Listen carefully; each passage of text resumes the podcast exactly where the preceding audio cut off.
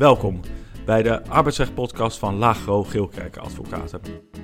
Iedere aflevering bespreken we in ongeveer 20 minuten actuele arbeidsrechtelijke onderwerpen. Mijn naam is Gerard Zuidgeest. Bij mij zit mijn kantoorgenoot Annemiek Varkens.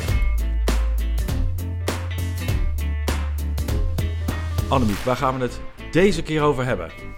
Vandaag gaan we vooruitblikken naar 2022. Ja, de vorige podcast hebben wij uh, teruggekeken op uh, 2021.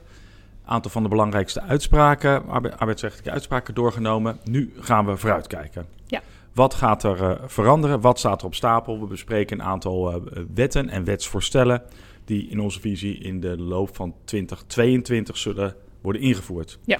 We hoopten overigens dat we ja, twee weken geleden, een week geleden, dit al konden doen. Maar ik moest opeens in quarantaine. Mm -hmm. En vervolgens uh, skiën. Volgens mij jij ook. Moest jij ook, ja. dat moet, hè?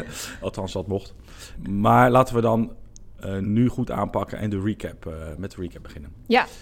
Nou, wat ik uh, tegenkwam is wel een leuke uitspraak, corona gerelateerd. Dat ging om een ontslag op staande voet van een werknemer die zich had afgemeld bij een afspraak van de bedrijfsarts. Omdat hij volgens ja, hemzelf corona had, dus hmm. niet kon komen. En toen heeft hij ook een coronatestbewijs toegestuurd aan de bedrijfsarts om dat te bewijzen. Werkgever die um, ging dat testbewijs bekijken en zag dat er een andere geboortedatum op stond. Dat er ook uh, een afwijking in, letter, in lettertype een was. Een andere geboortedatum dan die, die van, dan de, die werknemer. van de werknemer. Oh, ja. dat is handig. Dus die had daar zijn twijfels over of dat wel klopte. Dus die heeft werknemer uitgenodigd uh, op een gesprek. Werknemer zei nee, nee, ik weet niet waarom dat... Uh, of dat testbewijs er anders uitziet. Maar nee, dat is wel een, een echt testbewijs. Ik had echt corona. Werkgever heeft toen nagebeld bij de testlocatie. De testlocatie zei nee, dit uh, is een vals, uh, vals testbewijs. Dus de werkgever die uh, ontslaat werknemer op staande voet. En dat houdt bij de rechtbank Rotterdam ook stand. Ja, lijkt me terecht. Lijkt me ook terecht. Lijkt me vooral moeilijk voor werkgever om het bewijs boven water te krijgen... Ja. dat de werknemer ver vervalst heeft. Maar als dat eenmaal voldoende is vast komen te staan, ja, ja. lijkt het voor... voor vanzelfsprekend. Ja. Overigens is natuurlijk ook anderszins uh, corona een ongoing story. Uh, na een aantal uitstellen uh, debatteert de Tweede Kamer, volgens mij live, as, as we, speak. speak. Yeah. Zit men in Den Haag nog volop in debat. En voor wat het waard is, zijn natuurlijk geen politiek analisten. Verwachten wij volgens mij niet dat er op hele korte termijn 2G of 3G controle op de werkvloer middels nadere wetgeving mogelijk zal worden gemaakt. Mm -hmm. Die wetsvoorstellen zijn wel ingediend, maar ik, wij verwachten denk niet dat die op hele korte termijn ook daadwerkelijk in stemming zullen worden gebracht. Eerder bespraken wij natuurlijk al wel dat er arbeidsrechtgeleerden zijn die menen dat onder bijzondere omstandigheden zo'n controle op de werkvloer 2G, 3G ook al binnen het huidige wettelijk kader mogelijk is. Maar dan moeten er ook echt wel bijzondere omstandigheden zijn. Ja. Maar we verwachten niet op korte termijn uh, nadere wetgeving. Gebeurt dat wel, dan zullen we daar een speciale uh, podcast aan wijden. Ja. Ik denk dat dat het was voor corona. Ik denk het wel, ja. Dan beginnen we denk ik met uh, drie weetjes voor het komende jaar, dus voor 2022. Ja. Ja. Eerste is, met ingang van 1 januari 2022 is het hebben van rookruimtes op de werkvloer verboden. Ja, kan dus niet je kan meer. alleen nog maar uh, buiten roken. Ja. En per 1 januari 2022 uh, moeten ook uh, flexibele arbeidskrachten meer bij medezeggenschap worden betrokken. De termijnen voor actief en passief kiesrecht worden ingekort uh, naar drie maanden. En uitzendkrachten tellen al na 15 maanden mee als in de onderneming werkzame personen. In plaats van, zoals het nu nog is, was, na 24 maanden. Dus dat betekent dat flexibele krachten vaker moeten worden meegeteld. Eerder moeten worden meegeteld en ook sneller in de aanmerking kunnen komen om te stemmen. Ja. Uh, derde punt is, dat hebben we ook al eerder in uh, vorige podcast besproken, het uitgebreide ouderschapsverlof. Dus dat geldt vanaf 2 augustus 2022. En Ja. dat betekent dat ouders tijdens de eerste negen weken recht hebben op doorbetaling van 50% van het dagloon van, uh, door het UWV. Ja, werkgever heeft daar niet echt kosten aan. Nee. Maar het is wel, uh, dat zal hopelijk uh, leiden tot het vaker gebruiken van dat uh, verlof. Ja. Oké, okay, dan gaan we wat uitgebreider bij een aantal wetsvoorstellen en wetten stilstaan. In het eerste blok bespreken we de wet evenwichtiger verhoudingen tussen mannen en vrouwen in het bestuur en raden van commissaris. En in blok 2 kijken we naar drie wetsvoorstellen die hoogstwaarschijnlijk in 2022 uh, gaan worden ingevoerd. Ja, laten we beginnen. Als eerste bespreken we in blok 1 de wet evenwichtiger verhouding tussen mannen en vrouwen in bestuur en raad van commissarissen. Deze wet treedt per 1 januari 2022 in werking voor in beginsel acht jaar en heeft als doel, zoals de naam van de wet ook al zegt, de verhouding tussen het aantal mannen en vrouwen in de top van grote bedrijven meer in evenwicht te brengen. Ja. Uh, deze wet bestaat uit twee maatregelen. De eerste is een ingroeiquotum en de tweede is passende en ambitieuze streefcijfers. Ja, wat mij betreft laten we dat ingroeiquotum even wat het is, want dat geldt alleen maar voor beursgenoteerde bedrijven, althans bedrijven die aan de Euronext zijn, in Amsterdam zijn uh, genoteerd. Maar we kijken wel even naar dat passende en ambitieuze streefcijfer. Want dat geldt voor meer bedrijven. Uh, de, grote naamloze en besloten vennootschappen moeten zo'n streefcijfer gaan opstellen. En dat is dan bedoeld om de man-vrouw verhouding in het bestuur, in de raad van commissarissen en in de subtop van de organisatie wat meer evenwichtig te krijgen. Ja, en wanneer ben je nou groot?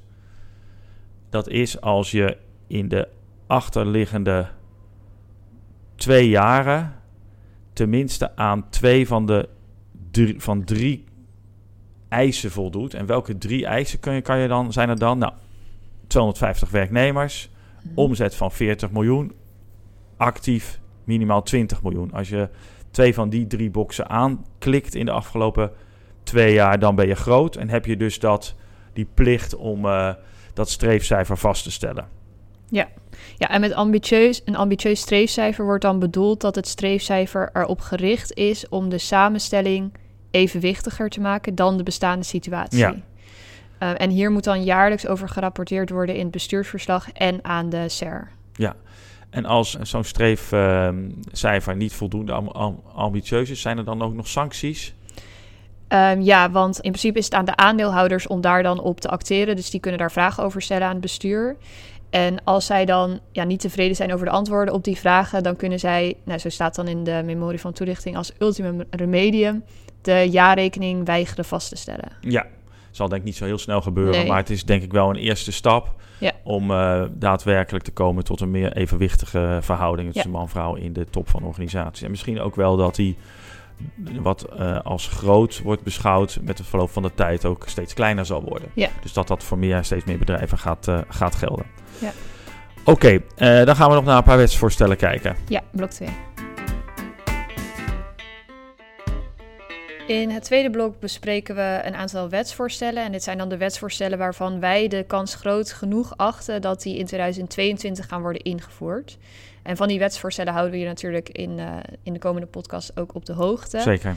En voor nu beperken wij de bespreking van deze wetsvoorstellen tot zaken waar jullie als werkgevers nu al rekening mee kunnen houden. Ja, uh, want er zijn natuurlijk nog een aantal andere wetsvoorstellen die uh, voorliggen. Uh, maar als wij het gevoel hebben, joh, daar kunnen we, heeft nu niet zoveel zin om daarop vooruit te lopen, dan bespreken we het niet. Hè. Er zijn op zichzelf best belangrijke wetsvoorstellen. Het wetsvoorstel toezicht bij gelijke kansen bij werving en selectie. Mm -hmm. En er is nog een wetsvoorstel advies bedrijfsarts leidend. Wat voor veel werkgevers denk ik veel fijn zou zijn als dat wordt ingevoerd. Want dan nou ja, dan wordt het orde van de bedrijfsarts uh, leidend en niet het orde van de verzekeringsarts bij het UWV. Maar ook daar kan je nu nog niet op vooruitlopen. Dus bespreken we het pas op het moment dat dat echt gaat worden ingevoerd. We focussen dan nu, vandaag, op nog drie wetsvoorstellen waarin van we wel denken dat werkgevers daar al op vooruit zouden kunnen lopen. Ja, de eerste is dan het wetsvoorstel wet waar, werken waar je wil. Daar hebben we het natuurlijk al een aantal keer eerder ja. uh, in de podcast over gehad. De plenaire behandeling in de Tweede Kamer is al een aantal keer uitgesteld. En dat staat dan nu weer gepland voor week 3 van 2022. Het lijkt dus erop alsof uh, hier niet heel veel haast mee wordt ja, gemaakt. Ja, want het is denk ik al... Uh, denk ik zeker al vier of vijf keer uitgesteld. Ja, zeker. De Raad van State was overigens niet heel enthousiast over dat wetsvoorstel. Maar we denken uiteindelijk, nu het nieuwe kabinet er is, dat het voorstel wel uh, erdoor zal komen. En invoering zou dan al best wel snel kunnen. Waarschijnlijk zelfs nog voor 1 juli uh, 2022. Ja. In het wetsvoorstel is geregeld dat een verzoek van een werknemer tot aanpassing van de werkplek door de werkgever moet worden ingewilligd tenzij sprake is van zwaarwichtige bedrijfsbelangen. En invoering van die wet zou voor veel werknemers in beginsel het recht op thuiswerken kunnen geven. Mhm. Misschien is het nog wel goed om te melden dat de regeling niet van toepassing is voor werkgevers met minder dan 10 werknemers. Ja, en ook belangrijk om op te merken is dat de werknemer kan bij zo'n verzoek om aanpassing van de arbeidsplaats alleen kiezen tussen het werken vanaf het adres bij de werkgever, uh, dat bij de werkgever staat geregistreerd als zijn woonadres, of werken vanaf een andere werklocatie van de werkgever en werken vanaf een eigen vakantieadres, dat kan dus niet. Maar werknemer zou wel uh, naar, ja, binnen Europa dan naar het buitenland kunnen verhuizen en dan zo'n verzoek indienen om vanuit die uh, nieuwe woonplaats te gaan werken. Maar buiten Europa een werkplek, dat uh, mag steeds worden afgewezen door de werkgever. Ja, helder. en dan, ja, hoe zou je dan als werkgever daarop nu al kunnen anticiperen? Nou, dat is omdat in de wet was en blijft geregeld dat een werknemer maar één keer per jaar zo'n verzoek tot wijziging werkplek mag indienen. En dat brengt dus met zich mee dat als die werknemer dat nu doet, en hij vervolgens, nu de wet nog niet is ingevoerd, althans de wijziging nog niet is ingevoerd, de werknemer dan vervolgens weer tenminste een jaar moet wachten mhm. om weer zo'n verzoek te kunnen indienen. En er wordt natuurlijk bij veel werkgevers nu al gesproken over wat meer of wat minder thuiswerken. En als je als werkgever zo'n verzoek van een werknemer in de mal giet van de huidige wet, ja, dan mee heb je in ieder geval voor een jaar zekerheid over de werkplek van de werknemer. Ja. En op die manier kan je dus nu ook makkelijker verzoeken afwijzen. En moet de werknemer weer een jaar wachten voordat hij het verzoek kan indienen. Dus op die manier kan je op de wet uh, vooruitlopen. Ja. Ja, en het verlengde daarvan is het dan ook goed dat je als de werknemer zo'n mondeling verzoek doet om thuis te werken, of dat je dan aan de werknemer vraagt of hij dat schriftelijk kan doen. Want als het schrift, een schriftelijk verzoek is, dan past dat dus in de wet flexibel werken. En dan kan je het dus ook als zo'n ja, zo'n verzoek op basis van die wet labelen eigenlijk. Ja, en dan moet je daar zelf ook weer schriftelijk op, op reageren. En dan heb je, is de cirkel rond en dan uh, gaat de klok weer uh, voor een jaar uh, ja, precies. tikken. Ja, verder is een interessante vraag in hoeverre een werknemer die feitelijk wel zijn werkzaamheden thuis zou kunnen uitvoeren, maar daar bijvoorbeeld praktische bezwaren aan zitten. Stel, een werknemer heeft op zijn werk gewoon een computer, dus geen laptop. In hoeverre zorgt deze wijziging van de wet er dan voor dat de werknemer ook de voorzieningen om thuis te werken van de werkgever kan afdwingen. Ja, dus een wijziging bijvoorbeeld van de ICT-infrastructuur. Om, om buiten de, de, werkplek te kunnen inloggen. Ja, dat is een interessante, in, in, interessante vraag. Ja, het is natuurlijk wel de vraag in hoeverre een werknemer dan daadwerkelijk naar de rechter gaat om dat af te dwingen. Ja. Maar uh, ja, ik ben benieuwd hoe de rechter daarover zal uh, ja, ja, gaan, gaan we zien. Ja. Misschien nog even noemen uh, met ingang van 1 januari de gerichte vrijstelling thuiswerkkosten. onbelaste vergoeding, 2 euro per dag maximaal. En die vergoeding kan ter compensatie dienen voor de kosten die werknemers maken als zij thuiswerken. En dat is een gerichte vrijstelling in het kader van de werkkostenregeling. Ja.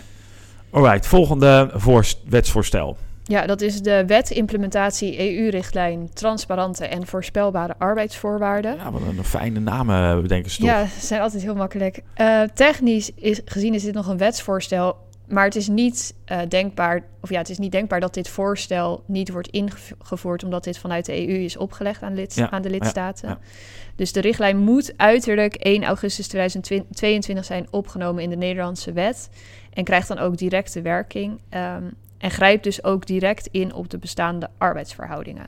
Ja, die wet regelt een paar dingen. Ja, uitbreiding van de scholingsplicht, op zichzelf belangrijk, maar ik zie niet zo goed in hoe je daar als werkgever nu al op vooruit kan uh, lopen. Dus daar komen we wel op terug op het moment dat die richtlijn ook daadwerkelijk uh, wordt ingevoerd. Er wordt ook geregeld dat er onder omstandigheden een verbod is van nevenwerkzaamheden. Maar omdat in de, in de wet ook is voorzien dat bestaande nevenwerkzaamheden bedingen misschien wel eens in strijd zijn met uh, die wettelijke regeling. En dan is een regeling opgenomen dat de werkgever op het moment dat hij het uh, beroep wil doen op dat nevenwerkzaamhedenverbod, dat hij dat nog uh, kan onderbouwen. dus ook daar hoeft, denk ik, werkgevers niet op vooruit te lopen. Hè. Dat, dat komt wel op het moment dat het aan de orde is. maar er is ook een uitbreiding van de informatieplicht. En daar moeten we denk ik wel even bij stilstaan. Ja, klopt. Want op basis van die informatieplicht moet er dus in de arbeidsovereenkomst ja, aanvullende informatie worden verstrekt. Zoals de identiteit van de partijen bij de arbeidsrelatie, de plaats van het werk, uh, de aanvangsdatum. Nou ja, allemaal dat soort feitelijke informatie, die vaak nu ook al in de arbeidsovereenkomst staat. Maar het is denk ik wel belangrijk om uh, de arbeidsovereenkomst allemaal nog een keer te checken, om te kijken of al die informatie er ook daadwerkelijk in staat. Ja, er zijn meer elementen moeten nu in die arbeidsovereenkomst worden geregeld dan, uh, dan voor dat deze, dit wetsvoorstel wordt ingevoerd. En omdat werkgevers vaak maar één keer in zoveel tijd hun standaard arbeidsovereenkomsten laten checken, is het wel goed om als ze dat nu doen voor de invoering van die regeling, uh, toch alvast vooruit te laten kijken. Joh, neem ook die EU-implementatieregeling mee bij de check van, je, van, de, van de arbeidsovereenkomsten. Ja, precies. En niet voldoen aan die informatieplicht is geen economisch delict en is dus ook niet uh, strafbaar. Maar de werknemer zou wel bijvoorbeeld de werkgever aansprakelijk kunnen stellen voor de ja. schade. Ja. Maar het is gewoon Uh, slordig als je ja, als precies. werkgever beoogt om een goede arbeidsovereenkomst Ja. voor te leggen die in lijn is met het wettelijk kader. En je laat dat checken dat, eh, dat, dat eh, in, in die check niet wordt meegenomen Ja. de EU-implementatie. Klopt. Alright. Dan gaan we naar het laatste wetsvoorstel dat we bespreken. En dat is de wet gelijke beloning van mannen en vrouwen. En ook van deze wet verwachten wij dat die er gaat komen. En dat is dan voor ondernemingen met 50 of meer werknemers. Korte toelichting. Vrouwen worden voor hetzelfde werk als mannen nog steeds minder beloond. En dat is dus ook de aanleiding voor eh, dit Ja, wetsvoorstel. daar willen we vanaf. En het belangrijkste onderdeel van dit wetsvoorstel is dat bewijslast wordt verschoven. Het is eh, na de invoering aan de werkgever om aan te tonen dat in de onderneming mannen en vrouwen voor hetzelfde werk gelijk worden beloond. Ja.